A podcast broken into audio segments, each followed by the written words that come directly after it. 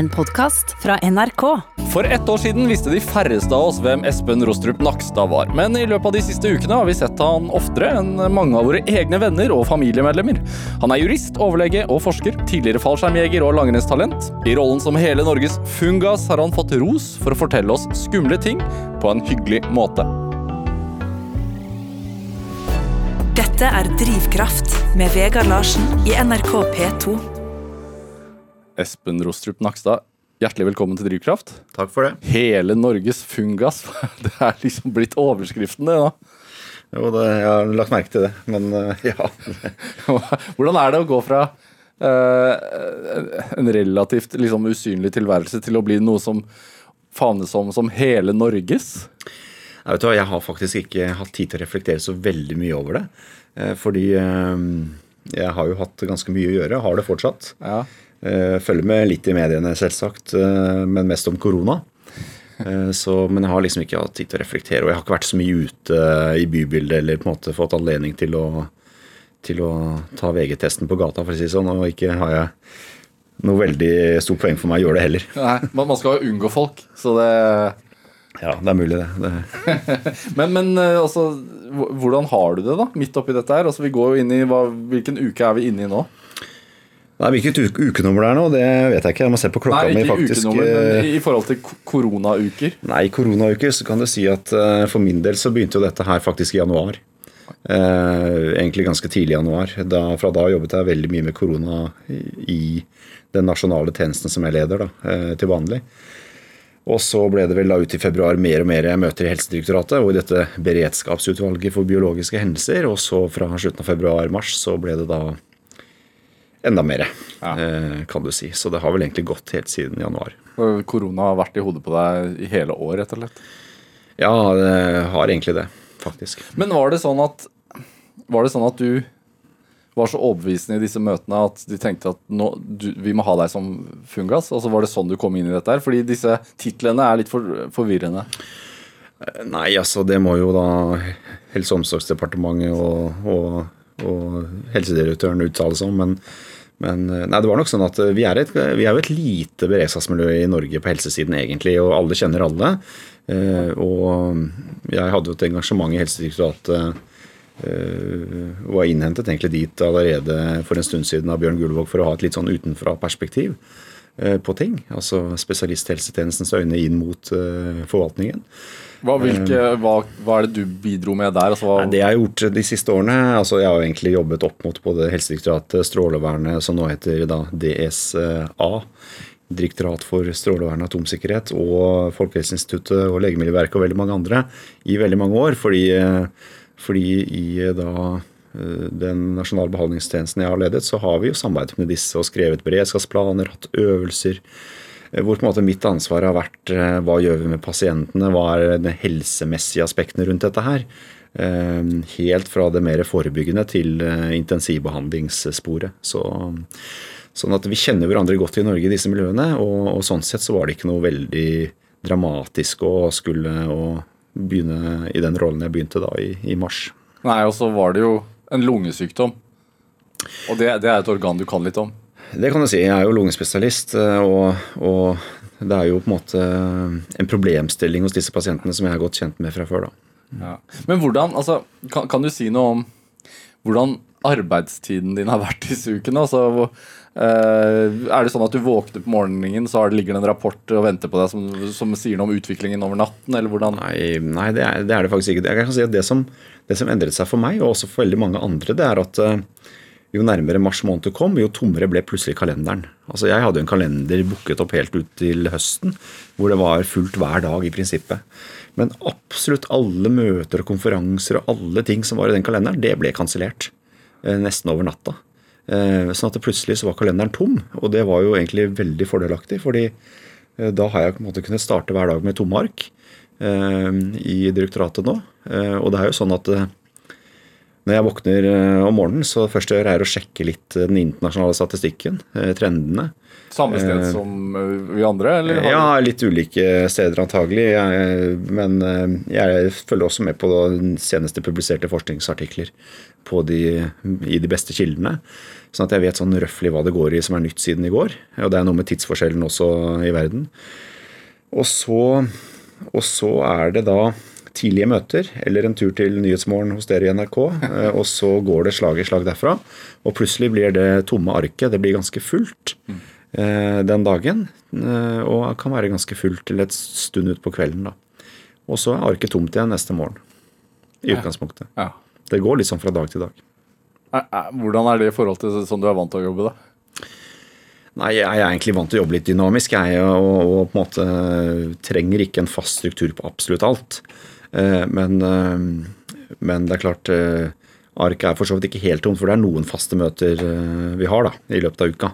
Sånn faste møtepunkter, men, men bortsett fra det så er det jo veldig mye som endrer seg fra dag til dag i den situasjonen. Men det, det slår meg at du, du har vært ganske Altså, du har vært tilsynelatende veldig tilgjengelig i denne perioden. Eh, f- I forskjellige nyhetsmedier.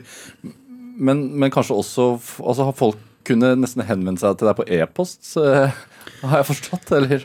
Nei, du, du kan si vi, vi har jo bevisst vært tilgjengelig i Helsedirektoratet, og det gjelder ikke meg, det gjelder jo hele teamet rundt, eh, rundt eh, denne koronaledelsen. Du kan si i Helsedirektoratet så er det jo utrolig dyktige folk og rådgivere og avdelingssjefer og divisjonssjefer. Og så er Bjørn Gullvåg helsedirektør.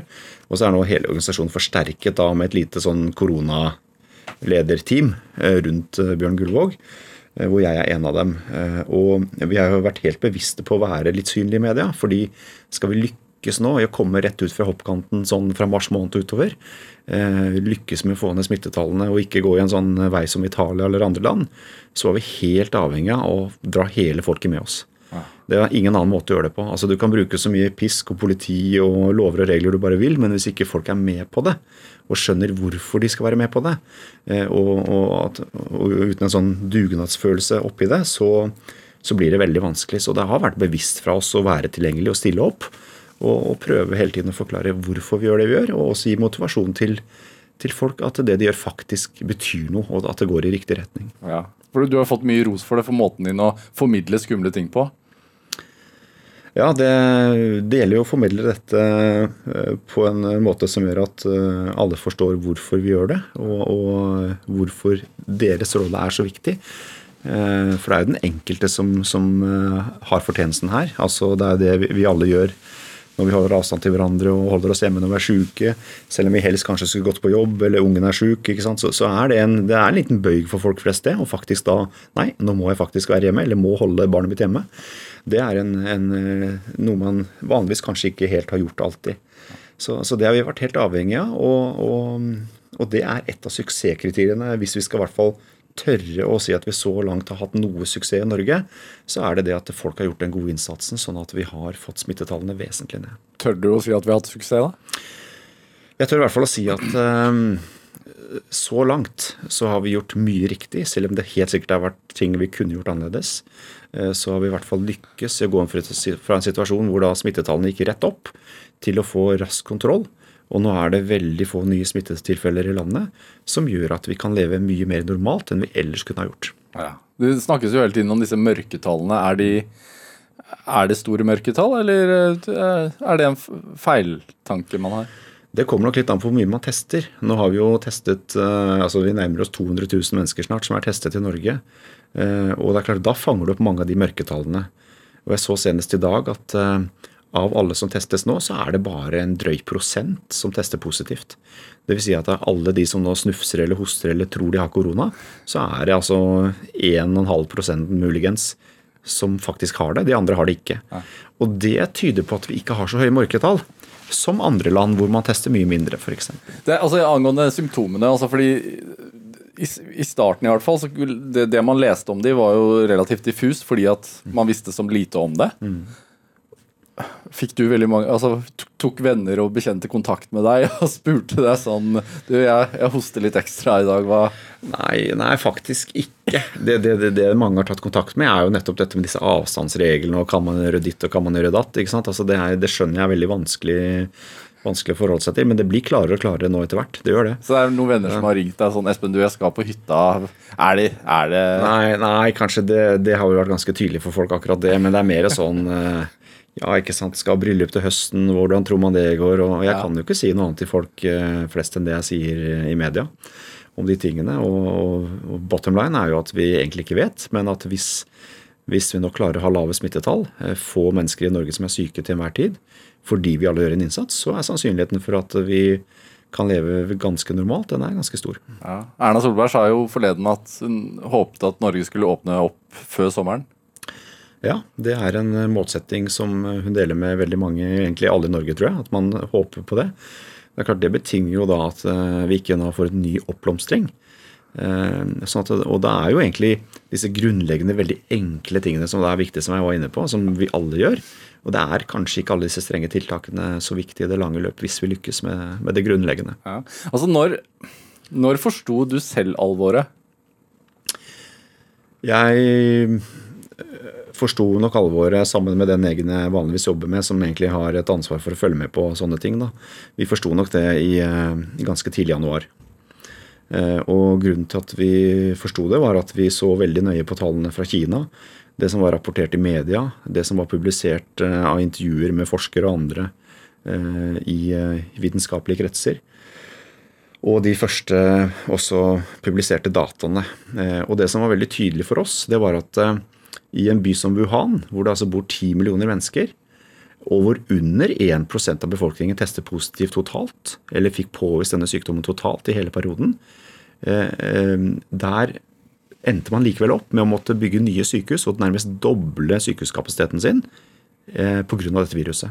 Og det er klart, Da skjønner man at dette er ikke et vanlig influensavirus som er bagatellmessig, når når eh, så få mennesker tross alt eh, innsykner, altså blir syke, men man likevel må bygge nye sykehus eh, over natta. Og det andre som vi så veldig tidlig, det var at, at av de som blir lagt inn på sykehus, så er det én av fire cirka som havner på intensivavdeling. Det er et veldig veldig høyt tall hvis du sammenligner med andre sykdommer. Og de fleste land har jo eh, intensivsenger som utgjør kanskje 2-3% av alle sykehussengene som er såkalt somatiske. altså Der det er ikke psykiatri og andre ting, men det er de som har sykdom som krever aktiv medisinbehandling. Eh, 2-3 av de er intensivsenger, men her har du altså en sykdom som gir behov for kanskje 25% av sengene skal være intensivbehandling. Ja. Og det så vi veldig tydelig, og det var da vi skjønte at oi, dette her med så høy smittsomhet, så høy sykelighet og såpass uh, høy dødelighet også, sammenlignet med influensa, når du tar høyde for et antall døde per, per million innbyggere, det er noe helt annet enn vi er vant til. Er det den debatten om vi var forberedt, altså godt nok forberedt eller, eller ei, altså, tenker du at det er naturlig å vente med den til etter at vi er over, over toppen? Jeg tror det er lurt å, å vente med den grunnleggende debatten om, om, beredskap og forberedelser for pandemier til vi er ferdig med denne pandemien. Og det er fordi at dette er ikke så enkle spørsmål som kanskje folk skal ha det til. At vi ja, kanskje vi skal ha litt mer utstyr eller litt noen annen ting. Altså Dette er veldig store, komplekse problemstillinger som har med hele eh, forsyningskjeden og markedssituasjonen i verden å gjøre på legemidler og utstyr og sånne ting. Det har med hvordan vi bygger sykehus å gjøre, det har med hvordan vi driver helsetjenesten å gjøre. Men det har også å gjøre med, med hvor mye penger skal man faktisk bruke på ting som kan skje, i forhold til det som vi vet skjer hver dag, og som vi trenger penger til. Fordi at i prinsippet så kan man bruke et halvt statsbudsjett på beredskap og på en måte være forberedt for worst case scenario på alle fronter. Og det, kan, det er nesten ikke noen grense for hvor mye man kan bruke på det. Men samtidig så vil jo det da gå utover veldig mye. Altså Da vil mange, mange grupper i samfunnet som får livreddende behandling, kanskje ikke få det. Mm. Og vi har jo en eh, daglig debatt om dyre medisiner, om man skal få det eller ikke i Norge. Sånn at det, eh, det er en balanse oppi dette her. Og det er en grunn til at de fleste land ikke har brukt mer penger på helseberedskap enn de har gjort. Eh, det er lett å forstå det, men det er kanskje en grunn til nå å tenke litt annerledes rundt det, når vi ser da at eh, epidemier dukker opp, særlig i Asia, med nye virus og nye infeksjonssykdommer nesten hvert år. Ja, fordi man snakker jo ikke om om det kommer en ny pandemi, man snakker jo om når. Man snakker om når, og Hvis du ser på da bildet av pandemier de siste 100 årene, så ser du at vi hadde noen store. ikke sant, Spanskesyken eh, sånn rundt første verdenskrig og etter det. Og så har vi på en måte hatt eh, noen sånne store opp gjennom historien. Men de siste ti årene, eller etter 2000-tallet, så kan du si Da begynte det med sars i 2002-2003, og så kom mers noen år etterpå. Så kom svineinfluensa, og bare mellom svineinfluensaen og nå så har vi nesten hatt årlige ting. Vi har hatt fugleinfluensa, vi har hatt zika-virus, vi har hatt lungepest på Madagaskar. Vi har hatt enormt mange ting mm. som har faktisk et globalt potensial for å bli en pandemi, men som av ulike grunner da ikke har blitt det. Men det har vært en veldig økning, faktisk, de siste ti årene. sånn at vi må nok hva skyldes det, da? Nei, Det skyldes nok eh, faktorer med hvor tett mennesker lever på dyr, rett og slett, i deler av verden. Eh, det skyldes reisemønster, det skyldes jo globaliseringen. At smitte brer seg ofte. Og det skyldes at i tidligere tider, når flere mennesker ikke bodde i, urbane strøk, så ville et utbrudd ofte begrense seg til en landsby eller et, et ruralt område, altså et, et sted langt fra folk. Eh, det er jo det som er grunnen til at ebola i Kongo siden 70-tallet egentlig ikke har vært veldig dramatisk. Fordi det, er liksom, det begrenser seg til da eh, små perifere små områder. Mens nå, når da folk bor tettere og tettere, flere bor i byer, eh, og man drar disse ville dyrene inn på markeder og selger, og det er kontakt, mye mer kontakt i linjen dyr, bønder og andre matvareprodusenter og store befolkningsgrupper, så øker risikoen veldig. Er det Tror du det bare kommer til å øke med årene? Det er vanskelig å si, men det er klart eh, det er også nesten hvert år utbrudd av en sykdom i verden som har et potensial for å kunne bli en pandemi, ja. men som av ulike årsaker da ikke blir det. Eh, og vi har jo på en måte vært litt heldige da med dette første SARS-viruset i 2002-2003 og dette her eh, MERS-viruset, altså kamelsyken som det ofte hetes, som det ofte kalles. den eh, Eh, de sykdommene hadde jo høy dødelighet og kunne blitt veldig alvorlig, men heldigvis klarte man å kontrollere det. Kan man gjøre noe med det ved å, ved å bare fjerne, altså gjøre noe med dyrene? Altså fjerne Nei, dette er jo ofte sånn litt sånn eh, veterinærmedisin og dette med mattilsyn og den type ting også som kommer inn. Det er klart det er en bekymring for at sykdommer hopper mellom dyr og fra dyr til mennesker hele tiden. Og det har noe med smittevernrutiner og rutiner i dyre matproduksjon og den type ting å gjøre. Det er veldig kompliserte ting. Men det, samtidig så er det jo det at når man tar shortcuts og ikke følger regler, og ikke internasjonale anbefalinger, så øker sjansen for sånne ting. Ja. Altså, det er jo en debatt som kommer til å komme når, når krisen er over, eller i hvert fall under kontroll, eh, om beredskapen var bra nok, og hva vi bør gjøre i forhold til neste. Så kommer du til å mene ting da? Jeg antar at veldig mange av oss kommer til å bli spurt. Ja. Eh, nå er det jo satt ned et utvalg allerede av regjeringen som skal begynne å se på det. Um, og, Men utvalg eh, det fører ikke nødvendigvis til endring? det nei, har vi sett nei, før. Nei, du kan si at det, det, som blir interessant å se, da er jo altså det som er i den menneskelige natur. Da, at det er veldig fort når en krise er over, til at man vil liksom tilbake til det vanlige, og så, og så, orker man ikke å gå inn i materien igjen. Ja, For man snakker man, om normalen hele tiden. Man kommer inn i normalen, og så er man så lei denne pandemien og alt det styret. sånn at det å begynne å sette seg ned da, og prate gjennom det fra A til Å, og begynne å liksom gå inn i den materien og gjøre forslag som er ubehagelige og kostbare og sånn, det, det har en tendens til å ikke skje, faktisk, etter store kriser. Det er utrolig hvor lite man har lært av mange kriser i verdenshistorien, egentlig. Og jeg tror nok det er liksom den menneskelige psyken. At man, man, orker ikke å gå inn i det på nytt. På man tenker at nå er vi ferdig med det, da er det sikkert lenge til neste gang. Nå tenker vi på noe annet. Har du noen eksempel på tilsvarende? Altså, nei, nei, altså du kan si det er Det er jo mange eksempler. Altså det er jo øh, åpenbart at man, at man burde ha gjort seg erfaringer fra tidligere pandemier. Det er åpenbart at dette med vaksinasjonsprogrammer og sånn har, har på en måte betydningen av det har blitt frontet litt mindre. Ikke sant? Når du ser at, eh, at flere og flere slutter å vaksinere barna sine, så er det fordi det er trusselen om polio og trusselen om eh, meslinger, hvor farlig det faktisk er, og hvor store konsekvenser det får. Det blir fjernt for folk. Fordi man har ikke hørt om det. Det har ikke vært på nyhetene, det har ikke vært noe uh, film om det på kino. Da, ikke sant? Så da blir det litt perifert, og da begynner man å tenke liksom, hvorfor skal jeg tenke på dette? Ja. I hovedstaden som, hvor det bor folk, altså flest folk i landet, så så er det jo eh, allerede en debatt nå om, om plassering av nye sykehuset. Altså Gaustad eller ikke. Mm. Skal det bygges i høyden, skal det ikke? Mm. Hva tenker du om det? da?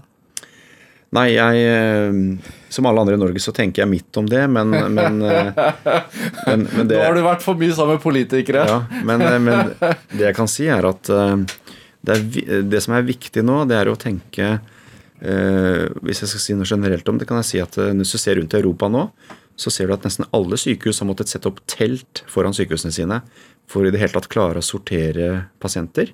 Skille da de syke fra de ikke-syke når det gjelder korona, og også for å teste. Og det er jo en liten fallitterklæring, at ikke man har en infrastruktur på plass som gjør at man kan faktisk skille alvorlig smittsomme sykdommer fra andre ting når det kommer et utbrudd. Eh, Og det er jo også land ikke langt fra oss hvor man har måttet etablere intensivavdelinger i store messehaller og, og såkalte kohortavdelinger med tusenvis av pasienter fordi man ikke har kapasitet i sykehusene sine. Så det er klart at sykehusene i hele verden og de som er ansvarlig for sykehusene, er helt nødt nå til å gå i seg selv og tenke på hva har vi lært av denne pandemien. Eh, Og hvis vi tror at det kan komme en ny pandemi i overskuelig framtid, så må man på en måte ta det inn i vurderingen. Og her er det mye, mye, mye å lære fra, fra mange land, og jeg tror særlig kanskje USA vil de lære mye. Fordi eh, der er det jo en sykehusstruktur og et helsevesen som er annerledes organisert. Hvor det er ganske stor forskjell på sykehusene og, og finansieringen av dem og sånne ting. Så, så det, er, det er nok veldig mye å lære for alle land på dette her, tror jeg. Hvordan eh, Jeg syns du svarte ganske tydelig, uten å, uten å liksom me, me, mene det eksplisitt. Eh, eller si det eksplisitt. Eh, hvordan har, hvordan har krisen vært for eh, Espen Rostrup Nakstad personlig? Altså, Hvordan har du opplevd det? Har du, eh, hvor mye har du vært, på, vært hjemme?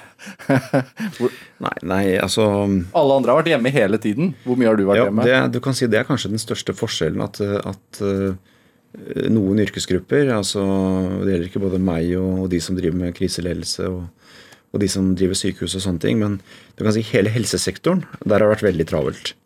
Eh, hele helsesektoren i Norge. Og for myndigheter også tror jeg det har vært veldig travelt. Eh, Det har jo vært enormt mange ting å ta fatt i som, eh, som gjelder da følgeeffektene av denne situasjonen. Men så har det jo da vært også mange som har blitt permittert og hatt hjemmekontor og på en måte hatt mye tid hjemme. Eh, Så det har vært veldig forskjellig. Så du kan si Det har jeg også merket, at jeg har vært mye på jobb, mens de hjemme har vært mye hjemme. Eh, Og sånn sett så merkes det nok bedre enn det ellers ville blitt merka. Ja. Hvordan har det vært for deg, da? å Ikke være så mye hjemme? Nei, det er litt sånn kjedelig, kjedelig å liksom eh, komme sent hjem og ikke ha så mye tid. Og så er det litt kjedelig i helger og sånn også noen ganger, at eh, det blir mye jobb da også. Men, men det, er- det går over. Sånn at det er ikke noe krise, det, i det hele tatt. Men Stemmer det at barna dine har begynt å kalle deg fungas? Ja, De gjorde i hvert fall det en periode, da. Nå, nå har jeg på en måte fått beskjed om at, jeg, at eh, du kan glemme den fungerende tittelen eh, Bare, bare ass nå? Bare ass, ja. Men, eh, nei da, men de fleipa mye med det til å begynne med. De gjorde det. Men du har jo ja, du har ikke vært fungerende, nå er du assisterende. Hvor, hvor, hvor, hvordan Jeg, jeg er på en måte på utlån, da. Ja, okay. Sånn at, eh, at, eh, og vi er jo flere som har en sånn assisterende funksjon. Så, eh, men eh, det er jo noe med begrepsbruken som også ble litt uklar en periode, så det har man ryddet litt opp i. Ja. Altså sånn, hvis, hvis man skal lære noe av, av deg eh, under denne krisen, så er det, altså det er imponerende hvordan du har vært veldig tydelig, men også bero, altså på en rolig måte. Du har vært en rolig stemme. altså det har kommet, øh, Folk har blitt veldig opptatt av deg som person. altså Det er flere Facebook-grupper som hyller deg. altså Har du sett det? Jeg har hørt om det. Jeg har, øh, Du har ikke vært inne og sett? nei, jeg har ikke blitt medlem av noen av de gruppene. Vi som heier på assisterende helsedirektør Espen Rostrup Nakstad, som har over 18 000 medlemmer på Facebook, og så eh, en litt mindre gruppe som kaller seg Espen Nakstad som statsminister 2021. Og vi som liker Espen Nakstad-gruppa, har 3500 medlemmer også. det er, hvor, hvordan er det å oppleve det? Og det er superlativer på superlativer i den eh, gruppa. altså Jeg har vært inne og kikka. jo da, nei, altså, det, det er fortsatt hyggelig. Det. Jeg, jeg tror jo det kanskje ikke først og fremst har så veldig mye å gjøre med min person, men det har nok noe å gjøre med at eh, at, eh, at folk føler dette veldig på kroppen. At det er en alvorlig situasjon. Det er klart For mange så er dette utrolig krevende. Eh, livsgrunnlaget på en måte forsvinner under beina dine. Du sitter permittert, eh, det er hjemmeskole. altså Veldig mye har endret seg. Og, og det er klart det er en usikkerhet, og man blir skremt av de TV-bildene man ser verden rundt. Ikke sant? Det er jo det er jo eh, Selv det lille som har vært i media fra ulike sykehus rundt omkring, er jo nok til å skremme vannet av enhver. Så det er klart, Da skjønner jeg jo at når noen, eh, når noen prøver å på en måte komme, berolige gjennom god informasjon, at, at, det blir satt pris på. Så, så, det skjønner jeg. Jeg tror ikke det er sånn veldig unikt at det er meg akkurat. Det er flere som har vært ute og gjort det også, men, men, eh, men vi får ta det som en tillitserklæring til at, at, vi gjør mye riktig, tenker jeg. Det er det viktigste. Ja. Er det statsminister 2021? det, er det. Nei, det, det, tror jeg Det har jeg ingen ambisjoner om, for å si det sånn. Eh, altså, ute nå, sola skinner, uteserveringen åpner i dag. Uh, det oppleves veldig lite som en pandemi, uh, fordi man ser ikke sjuke folk. Mm. Det oppleves litt som å leve i sånn to mm. parallelle virkeligheter. Man leser om det på nyhetene, eller ser det på nyhetene, hører om det på nyhetene. Mm. Men man lever liksom altså, Det er så deilig ute nå. Nei, det er, det er, en utfordring, absolutt. Men så kan du si at det er fint å være ute, og det er ikke noe risiko å være ute så lenge man har avstand til hverandre. Altså det vi hele tiden må huske, det er at denne sykdommen da, den, den er smittsom. Eh, og det er jo sånn at Hvis den løper fritt, så smitter den antagelig tre andre personer fra hver som blir syk. Ja. Men det fins jo altså meslinger og, koppevirus som for så vidt er utryddet. Det smitter jo 30-40 andre per person.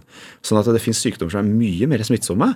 Eh, sånn at eh, så lenge man holder avstand til hverandre, så lenge man holder seg hjemme hvis man er syk, og så lenge man da tester seg hvis man har typiske koronasymptomer, mm. da har man lykkes veldig langt på vei. Eh, og det er jo vårt mål, har vært det hele veien. at eh, da tror vi man kan komme tilbake til en veldig normal livssituasjon og kose seg med den utepilsen og være ute i sola eh, og ha sommerferie. Hvis man bare følger de grunnleggende tingene. Og så kan det være mulig at man da må stramme til på noen ting. Og det er visse aktiviteter i samfunnet som er forbundet med høyere smitterisiko enn andre. Men alle disse forholdene de er mindre alvorlige hvis det er få syke i samfunnet, og de blir mye mer betydningsfulle hvis det er mange syke i samfunnet. For Hvis du tar bussen til jobb nå, eller tar bussen hjem nå etterpå, eh, og det er tre syke personer på den bussen, så er smitterisikoen enorm. Mm. Er det ingen, så er den ikke der. Og det, og det, er på en måte det som er forskjellen på å ha et land med mange syke og et land med få syke. Hvordan, altså Hvis du skal spå, hvordan tror du Norge ser ut i august-september? Jeg tror det blir ganske likt sånn nå. Jeg tror at, eh, at, man nå får åpnet opp en del ting. Eh, jeg tror det er veldig avgjørende det jeg har vært inne på, med at folk fortsetter å gjøre den innsatsen. Og da kanskje ikke tenke på det som en dugnad, men mer som en rutine. Mm. Og så tror jeg at hvis man klarer det, så er det ikke sikkert at ting er så veldig forskjellige i august-september fra det de er nå utover forsommeren. Når kan man begynne å trene igjen, eller når kan man begynne å, som mann å være med kona på fødselen? Ja, altså alle, det, er, veldig mange sånne praktiske ting og ting som har vært begrensninger nå, som er i ferd med å lettes opp. Og der vil jo regjeringen eh, i morgen annonsere noen ting. Eh, og det må man bare følge med på hvordan det blir. Så, men det er klart eh, Det er hele tiden et spørsmål om hvis man har en aktivitet hvor man er i kontakt med veldig mange mennesker i løpet av en dag, så er det uheldig.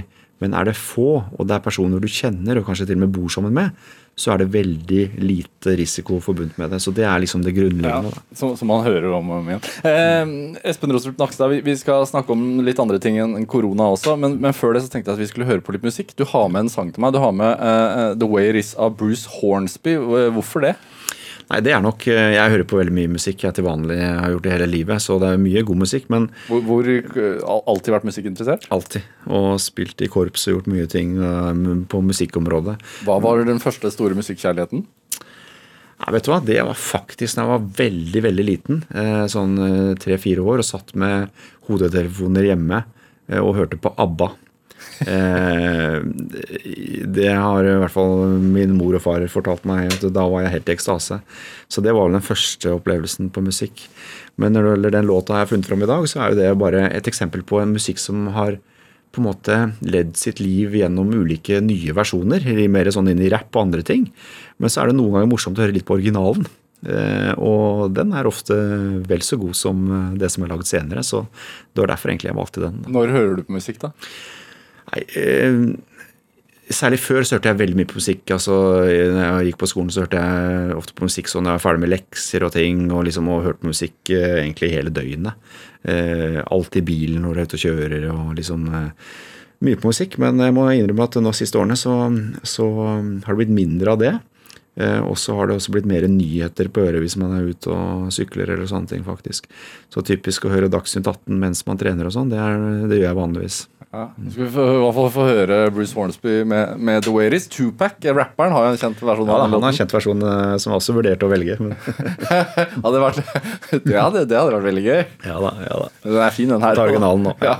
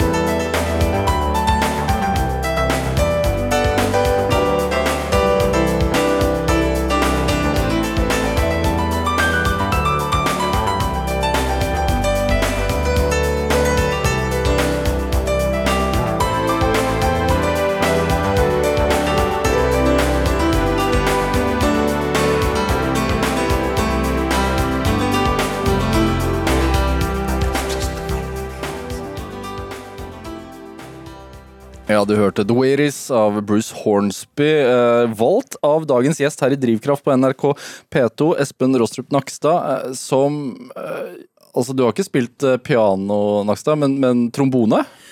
Ja, nei, trombone var liksom mitt instrument. da, som, eller Jeg begynte vel egentlig med baryton. da, så Når jeg fikk lange nok armer, så fikk jeg trombone i skolekorpset. eh, Og begynte med det på ja, eh, tidlig 80-tall, 80-tall, var det vel. Syv år gammel. Spiller du ennå? Spiller av og til når det er konserter med gamle korps eller orkester jeg har vært med i, så, så er jeg med på det. Men eh, det blir ikke så ofte lenger, dessverre. Nei. Du er opp, oppvokst på, på Skjetten. Hvor, hvor er det? Ja, Det er på Romerike. Det er, eh, når jeg vokste opp der, så var det en sånn nytt boligområde med, med masse folk. eh, unge barnefamilier som flyttet inn i Skedsmo kommune, som det heter. Eller het den gangen. Eh, og det er jo ikke så langt eh, når man liksom kjører ut av Oslo mot Gardermoen, så kommer gjennom skogen, så, Så kommer man til Olavsgård og Vam, og da er det liksom rett borti hugget i retning Lillestrøm og Strømmen. Så det er i nærheten av, av egentlig Oslo, men det er jo også litt ute på bygda. Ja, nei, Man følte vel når man vokste opp at ikke man bodde i Oslo. for å si sånn. Altså, skole, Skoletur inn til Oslo og sånn var alltid veldig eksotisk. Ja. Og det tror jeg det er for veldig mange som bor utafor byen, faktisk. Hva, hva, hva drev moren og faren din med da du var barn? Ja, de eh, jobbet i, på, på ungdomsskole og videregående skole. Faren min ble rektor etter hvert på en videregående skole. Så, så de har vært eh, i utdanningsbransjen, for å si det sånn, begge to. Ja. Hva, hvordan, altså, jeg har liksom inntrykk av deg når jeg har lest deg, altså, Det har blitt skrevet mye om deg i det siste. og når jeg leser om deg, så har jeg inntrykk av at du Altså, Dere vokste opp i en sånn friluftsfamilie. Og, og at du og broren din søkte utfordringer og ville på de høyeste toppene. og altså At det, at det var mye ute. Ja, det var mye Jeg, jeg vokste opp veldig opp med dette at, eh, at Dels på hverdager så var det mye aktiviteter, altså idrettsaktiviteter hele tiden. Det var det jo på sånne steder. Det var jo Norges største fotballklubb lå jo der. Eh, Norges eh, for så vidt største korps i antall spillende medlemmer, og også på et tidspunkt Nordens beste skolekorps, faktisk, lå der. Og det var skiklubber, og det var alpingrupper. Det var veldig mye tilbud. Eh, Og de fleste ungene var innom veldig mange av disse tingene. Så det var jo en eh, fantastisk kommune å vokse opp i når det gjelder sånn, den type aktiviteter. Mens liksom når det var helg og sånn, så var det ofte altså dette med ut på tur eh, på søndag og turorientering og sånne ting. Det gjorde vi mye av i vår familie, da. Og var mye sånn på, på fjell og sånn i, i ferier og sånn. Alltid egentlig det. Ja, var du et energisk barn? Jeg tror jeg var som de aller fleste. Men altså, jeg må jo si at vi var kanskje litt mer energiske den gangen. Det var jo sånn eh, Det var helt inn ut og leke, da. Og hvis du gikk ut i gata, så var det alltid noen å leke med. Eh, Og, det var full fart hele tiden. Så det var jo ikke så mye TV, det var jo ikke iPad. Så det var liksom Det var et aktivt liv som barn, vil jeg si. Ja. Eh, Mye klatring i trær og slenghusker og alt mulig rart hele tiden. Hva er, hva er det beste barndomsminnet ditt, da? Jeg har eh, veldig mange gode barndomsminner fra den tiden, ja, men eh, det er liksom eh, Men jeg husker jo det at liksom det var så mange barn å leke med at liksom alltid ute i gata og leke, boksen går, f.eks. Kjempegøy. ikke sant? Og så gjemte man seg inn i hagene til ulike eh, og på en måte ulike naboer og sånn. og sånn at det var Gjør dagens er unger, det? Jeg tror ikke det. Nei, jeg vet ikke. Altså, jeg, jeg, ikke like mye. Men jeg ser jo at noen av disse, disse lekene som man kan på en måte initiere selv uten at noen voksne er med og bestemmer, at de, de lever jo et slags liv, de også. Men jeg ser jo det at når barn kommer seg bort fra iPaden og, og kanskje opp i fjellet eller ut et sted hvor det ikke er eh, TV og mobiltelefon, at de da har den egenskapen i seg å, å drive spontanlek veldig godt. Ja. Eh, Så det, det tror jeg alle har i seg, men man gjør det kanskje mindre nå enn før. Hva tror du det gir, da? Denne spontanleken? Jeg vet ikke, jeg tror det er viktig for eh, utviklingen av måte, personlighet og, og, og for mennesker generelt. Det er, jo, altså, det er en grunn til at alle, alle dyr leker når de er små. Det er jo en læring i det. Eh, Det er jo dels kroppsbeherskelse, dels eh, koordinering, dels å på en måte lære opp hjernen til å fungere godt. Så, så jeg tror, eh, tror det er naturlig for folk, i hvert fall. Ja. Altså, eh, det var mye idrett for deg i ungdommen, eh, som var innom. Også langrenn. Eh, du var kjempegod, har jeg lest. Eh, men Og så har du klatra mye. og du, er, Stemmer det at du har rappellert ned fra Oslo Plaza? Ja, det, det stemmer. Uh, nei, jeg, jeg, jeg drev ikke veldig mye med klatring i ungdommen. Jeg gjorde en del av det sånn i tidlig voksen alder. Uh, mest da i fjellet og sånne ting. Uh, og litt innendørs. Men det Oslo Plaza-greiene, det var vel jeg fikk en telefon fra Skiforeningen. Dette var jo på 2000-tallet. Jeg er litt usikker på hvorfor jeg fikk den telefonen, egentlig. Men, men eh, jeg ble i hvert fall spurt om å være med på en sånn rappellopplegg eh, i regi av Skiforeningen. eh, Sammen med han Øystein Pølsa Pettersen og Bjørn Einar Romøren husker jeg også var med å rappellere. Og så var det en filmmann som filmet nedover mens vi rappellerte, husker jeg. Så ja, Det var en fin opplevelse. Det Det er jo det er som, et, det er som et svært speil, vet du, Oslo Plaza. sånn at når sola skinner, så kan du speile hele byen i det speilet. Så det er ganske morsomt å, å rappellere ned der og se hele byen. Anbefalt å teste. Ja, det er veldig restriksjoner på det. da. Det er ikke noe alle får lov til, for å si det sånn. Sånn at eh, det er veldig strengt. Og jeg har nesten ikke sett det blitt gjort etterpå. Ja. Og så har du vært fallskjermjeger i Forsvaret. Det, altså, utad fremstår du veldig rolig og, og sånn behersket, men rappellerende i Oslo Plaza, fallskjermjeger Det er en side i deg som, som søker spenning også? Ja, det kan du si. Det, det, det er noe med dette med på en måte eh, Ja, det er mye tilfeldigheter også, men det er også noe med den tilfredsstillelsen, tilfredsstillelsen i å beherske ting og, og gjøre ting eh, som på en, måte, på en eller annen måte gir deg noe, da. Men, eh, men jeg har aldri vært av de eh, risikosøkerne som på en måte på døde liv skal gjøre alt mulig spektakulært. Det har jeg ikke vært. Nei. I hvert fall ikke i egne øyne. men, men samt, altså fordi det er en, det er en dobbelthet her, fordi eh, du er jo lege, eh, og du er jurist. Så du er jo glad også å sitte og lese. Ja, nei, altså um, Igjen så er det mye tilfeldigheter i spill, da, altså hvorfor det ble sånn. Men, eh, men eh, ting jeg syns er interessant, og som på en måte gir meg noe, eh, det legger jeg ofte litt ressurser i å på en måte gjennomføre. Ja. Eh, Og sånn sett var det også det. Når jeg begynner med klatring, så var det liksom Da må jeg gjøre det ordentlig. Da vil jeg lære meg å sikre godt, lære meg å lede.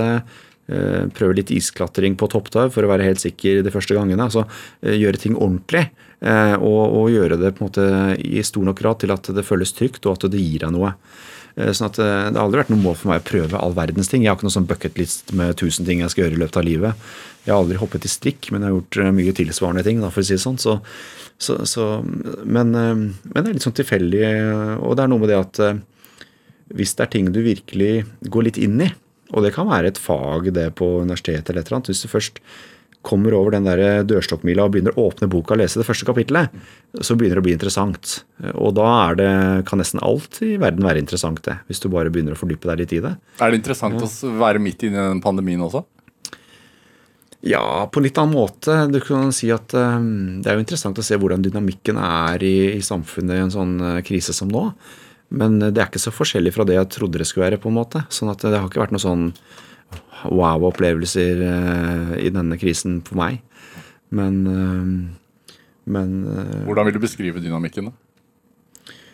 Nei, jeg vil, jeg vil si at um, som i alle kriser, og det nærmeste eksempelet er kanskje 22. juli eh, 2011, men det er også vært andre kriser i Norge hvor, hvor denne her fellesskapsfølelsen og det at man, at man fokuserer på å få ting gjort sammen, blir veldig sterk. Sånn at alle vanlige flaskehalser og tidkrevende prosesser som, som i prinsippet er litt tullete noen ganger, altså evig lange utredninger og på en måte, man, man blir mye mer resultatorientert, og så får man ting gjort. Og så, og så legger man ned stridsøksa på sånne småting som ikke betyr noe, og så, og så drar man sammen i samme retning. Og det, det er en evne som eh, man har i Norge, og som har vist seg gjennom hele historien at man har. eh, Og som jeg syns man har sett nå også. Eh, For det har vært mye å be om folk, det som har vært gjort i mars måned.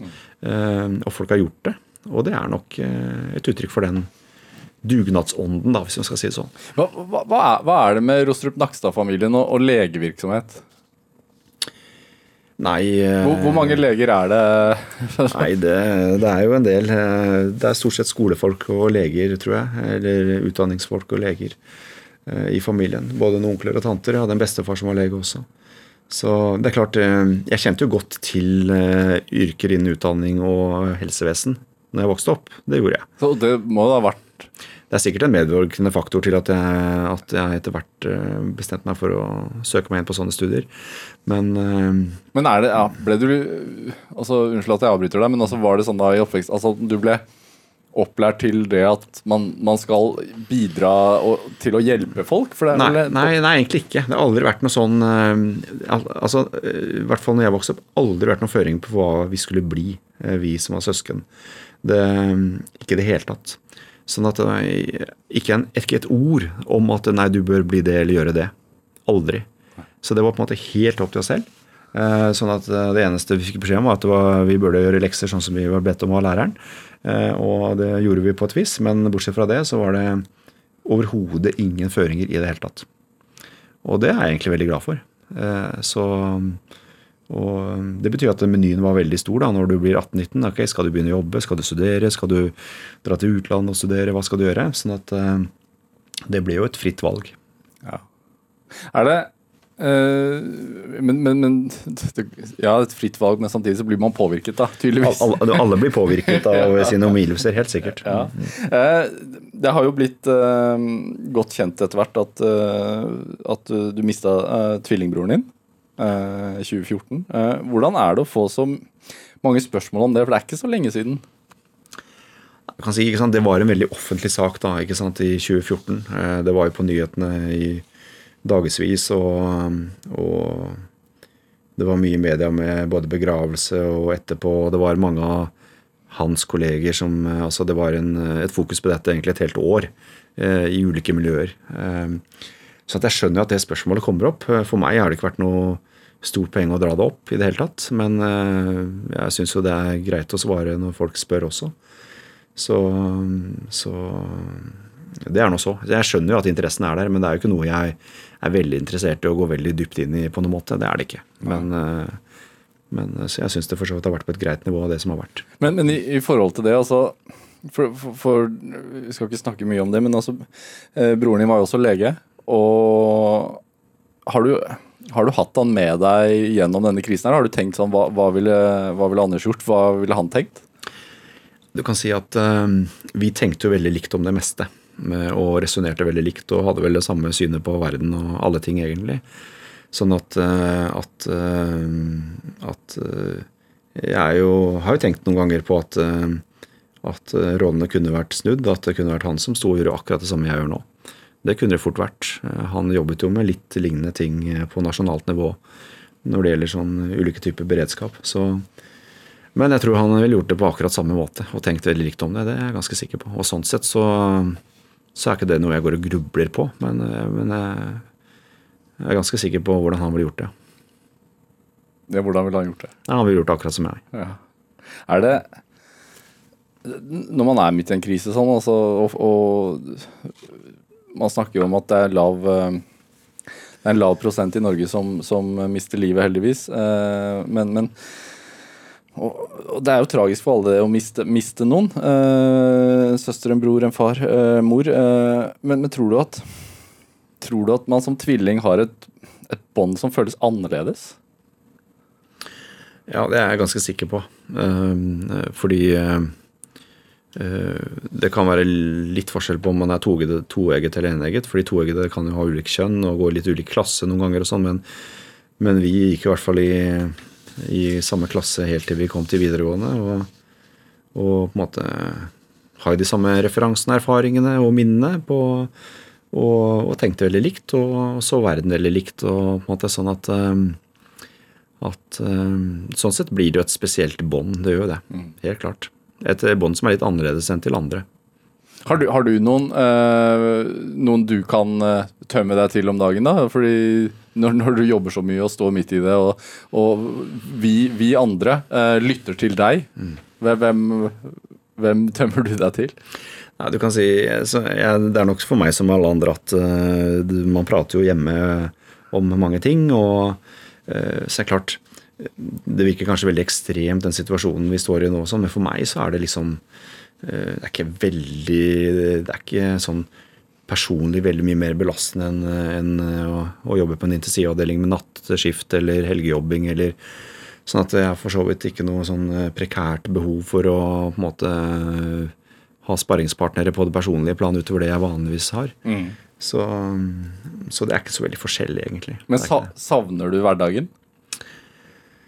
Ja, altså jeg, jeg tror som alle andre så savner jeg en hverdag som er eh, litt mer forutsigbar, og at man kan planlegge, at man kan eh, legge noen planer for ferien og hva man skal gjøre, og at ting er litt sånn mindre hengt opp i rutiner og, og begrensninger. Det gjør jeg nok. Ja. Så men hvordan er, hvordan er det hvor, Hvordan går det med CBRNE-senteret for tiden? Altså, hvor, du- hvor du, Ja, nei, det går veldig bra. Ja. En måte, hva, hva er det for noe?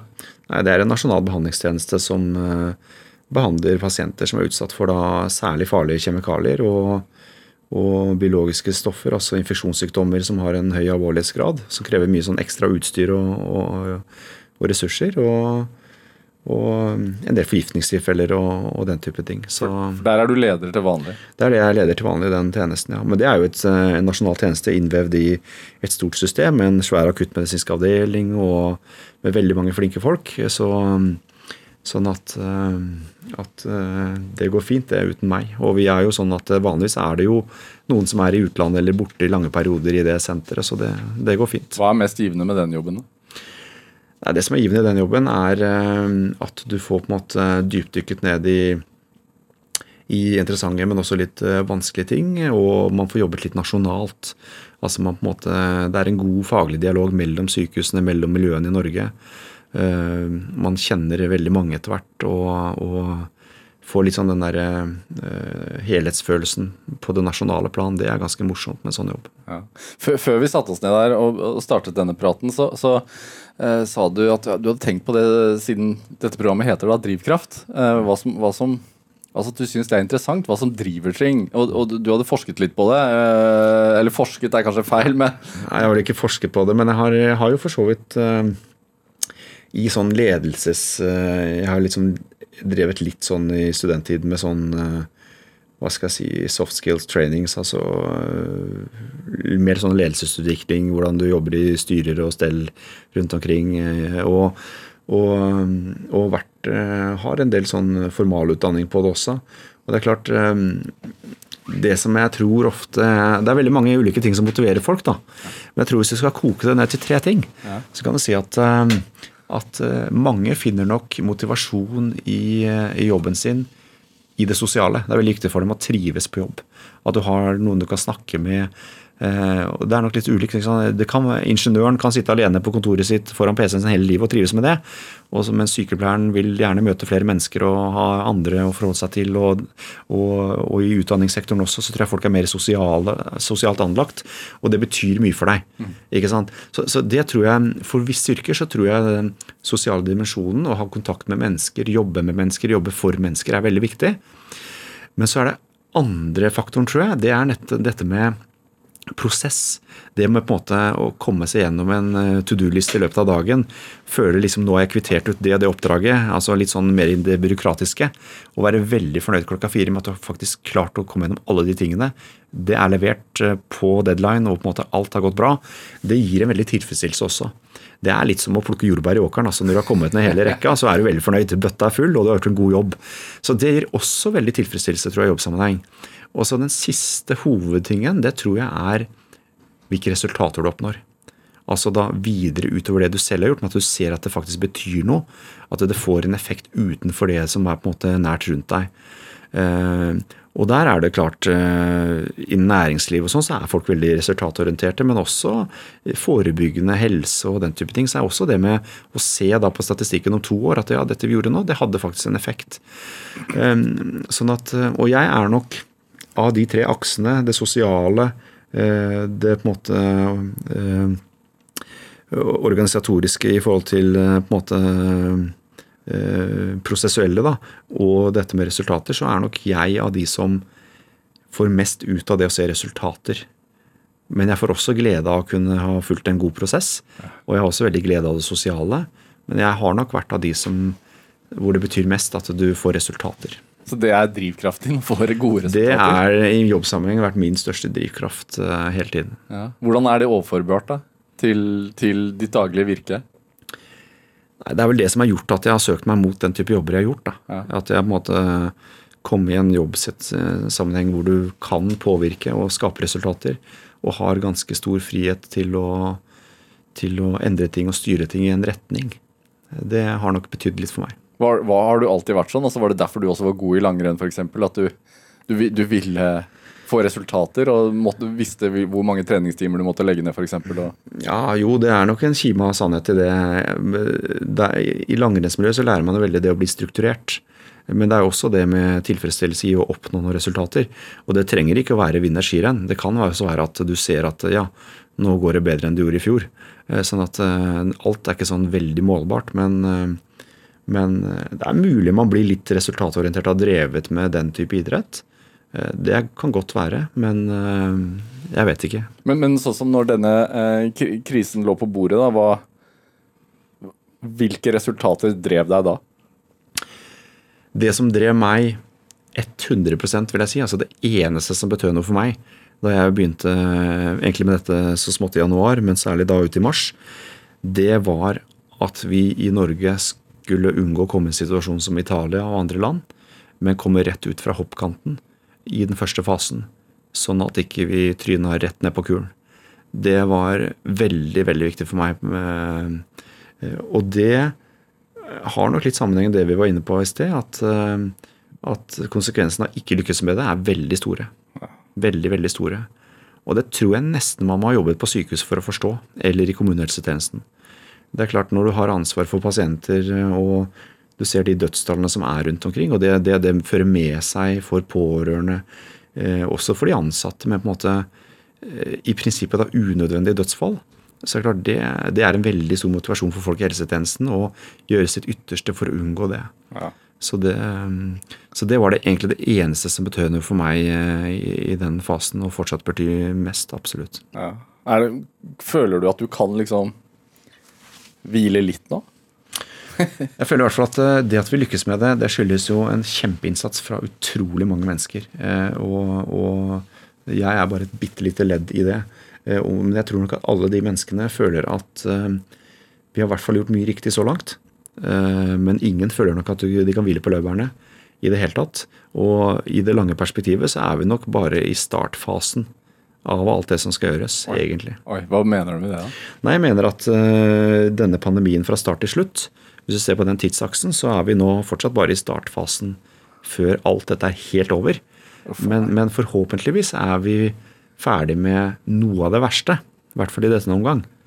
Eh, og det er jo en litt annen måte å se det på, men eh, Det er som en maraton som har startet Vi er akkurat over oppover, den første oppoverbakken. Det er som en maraton som vi har startet, men vi er i ganske god form. Vi har knytta skoene passe riktig, og vi har ikke noe gnagsår, sånn at vi er på en måte i god rute Ja. ut av de første kilometerne på den maratonen. Ja. Når alt dette er over, det kan vi si at det kommer til å være, eller? Det kommer til å gå over. Det kommer til å gå bra, det kommer til å gå over, jeg er helt sikker på. Ja, Hva ser du mest frem til å gjøre da? Da tror jeg som alle andre da ser jeg litt frem til å, å kunne ha en hverdag som er mindre preget av dette her. Kunne tenke på litt andre ting. Eh, tenke på andre ting enn jobb også. Eh, så det er det jeg ser mest frem til. Ja, hva, hva, er sommerplanene? Nei, de er ikke helt lagt ennå. Det har jo litt å gjøre med at eh, det er vel ingen eh, i helsesektoren generelt som, som, eh, som kan innstille seg på å ta veldig mye fri fra dette her.